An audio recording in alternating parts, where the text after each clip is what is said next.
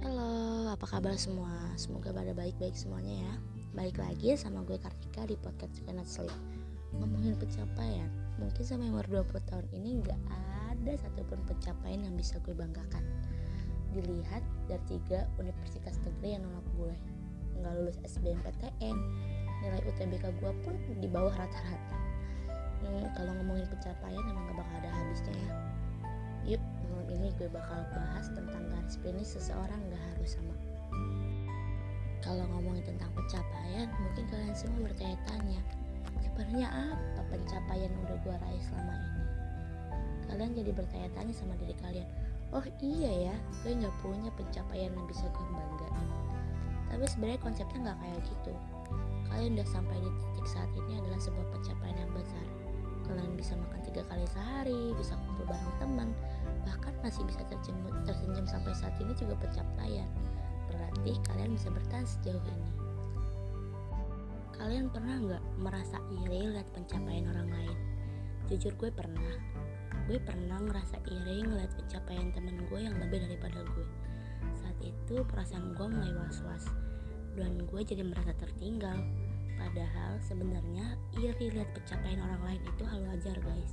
Karena iri itu sifat alami yang dimiliki seseorang. Tapi kalau rasa iri itu sifatnya berlarut-larut Baru itu yang gak baik. Nah maka dari itu kita jadikan sikap iri itu, sifat iri itu Jadi pacuan buat ke depannya Supaya kita gak tertinggal jauh sama teman-teman kita.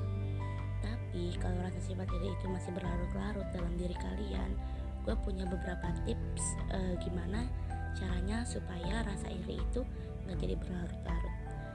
Satu dengan evaluasi diri dengan evaluasi diri kita jadi tahu mana peluang-peluang yang ada di dalam diri kita. Kedua love yourself cintai diri lo sendiri ikuti apa yang diri lo mau. Tiga semua orang punya porsinya masing-masing. Hari ini dia bisa aja dapetin pekerjaan lah siapa tahu minggu depan lu juga bisa dapetin pekerjaannya. Semua udah ada porsinya masing-masing.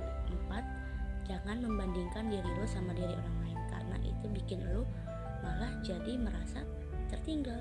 Lima fokus pada tujuan lu sendiri.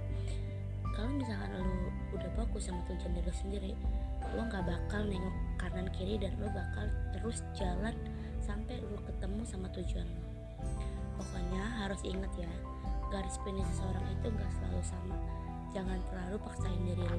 Berusaha semampu dan fokuslah pada tujuan-tujuan lo. Dan jangan lupa banyak bersyukur atas pencapaian-pencapaian yang udah sampai kepada diri lo. Dan jangan lupa banyak-banyak bersyukur. Sampai jumpa Rabu depan. See you and terima kasih